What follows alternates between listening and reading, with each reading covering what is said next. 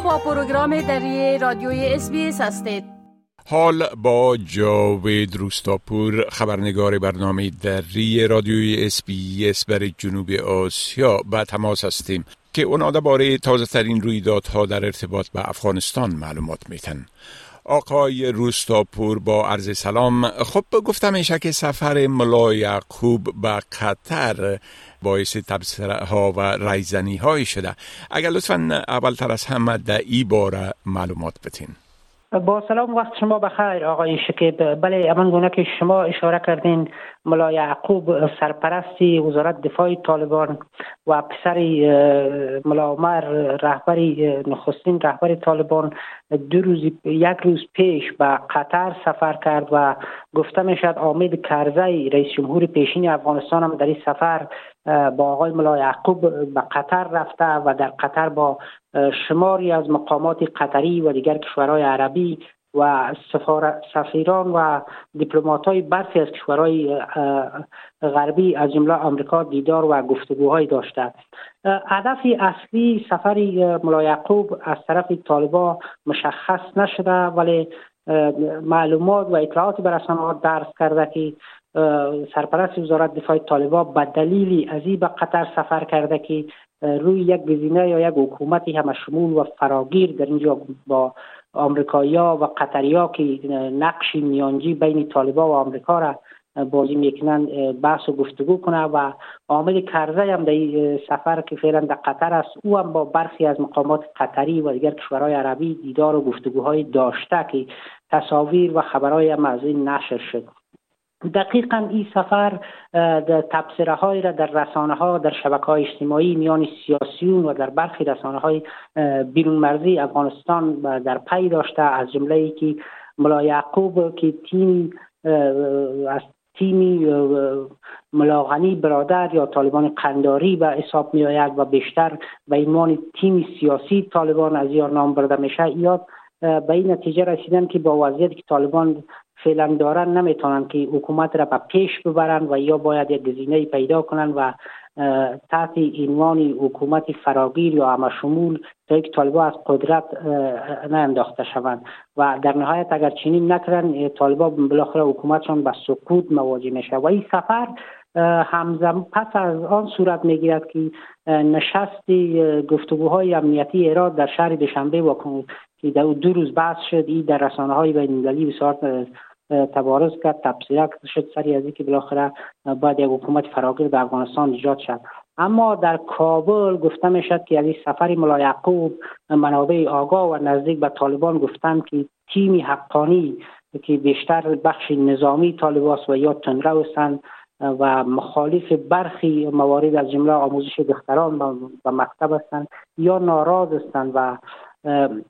در حقیقت سفر حناربانی و برخی مقامات دیگر پاکستان به کابل هم منابع میگن که به همین دلیل بود تا با مقامای و سران شبکه افغانی گفتگو کنه که تصمیم خود را در این باره بگیرن. اما ای که آیا حکومت یا شمولی که مخالفین طالبان و برخی از کشورها می‌خواهند از جمله همسایه افغانستان ایران و تاجیکستان و روسیه آیا می توان کشورهای عربی و قطری ها با ملا یعقوب همه مخالفان طالبان هم با هم که یک جا سازند تا یک حکومت مشمول قابل قبول همه تشکیل بدهند و طالبان تیمی حقانی در داخل افغانستان را قبول خواهند کرد یا خیلی یک گذشت زمان پاسخ خواهد داد. بله خب گزارش ها میگه که یک تن از بزرگان ولایت غور همراه با فرزندش که چند قبل توسط طالبا زندانی شده بود اجسادشان به خانواده اونا برگشتانده شده. بله. دقیقا منابع معلی به برخی رسانه ها گزارش دادن که طالبان حدودی هفتاد روز پیش فردی به نام احمد خان رسولی و پسرش اشرف دین رسولی را در شهر فیروزکو مرکز ولایت غور بازداشت کرده بودند و روزی گذشته اجساد این دو تن را که از طرف ماموران استخبارات طالبان در این ولایت به خانوادهایشان تسلیم دادند. روزنامه اطلاعات روز و تلویزیونی افغانستان اینترنشنل به نقل از اعضای خانواده ها و, و نزدیکانی این بزرگ قومی گزارش کردند که گفتن ای دو تن در زندان طالبان در اثر شکنجه و لط و کوب جان باختن و اتهام از یام این بوده که با مخالفان مخالفان مسلح طالبان که عمدتا در ولایات غور و غربی به نام جبهه آزادگان فعالیت دارند یا همکاری داشتند. طالبان تا کنون در این مسئله به گونه رسمی چیزی نگفتند ولی این موضوع با واکنش های بسیار تندی هم در شبکه های اجتماعی همراه شد و این کار طالبان را یک نوع جنایت و قتل عنوان کردند. این در حالی است که منابع محلی هم در کابل و هشت صبح گفتند که روز چهارشنبه طالبان یک جوان را از ساحه خیرخانه که باشنده ولایت پنشیر بود بازداشت کردند و استخبارات طالبایی را با خود برده ولی دوشنبه شب جسدی ازی در نزدیک خانه یافت شده. یعنی منابع گفتند که در زندان طالبا با اثر لط کوب درگذشته کشته شده و بعد اجسادی از را ماموران طالبان آوردن و در اطراف خانهش انداختند. بله خب طالبان میگه که شخصی را که به سفارت پاکستان حمله کرده بود دستگیر کرده و اونا میگه که این شخص مربوط مقاومت ملی یا جبهه مقاومت ملی بود و همچنان با داعش در ارتباط بوده. بله. زبی الله مجاهد سخنگوی طالبان گفته که اینا عاملی فردی که بر سفارت پاکستان در کابل, در کابل حمله کردن را بازداشت کرده آقای مجاهد بدونی از که در مورد هویت فرد جزیات ارائه کند با نشر یک اعلامیه گفته که تحقیقات ابتدایی انجام شده اینا نشان می‌دهد که این حمله را گروه داعش در تبانی با بغاوتگرانی که در مقابل حکومت اسلامی طالبان مقاومت می‌کنن این حمله را انجام شده و اشاره بغاوتگران از بغاوتگران هدف آقای مجاهد جبهه مقاومت است. او گفته که هدف از این حمله ای بوده که میان دو کشور دوست و همسایه به اعتمادی و فاصله ایجاد کنند.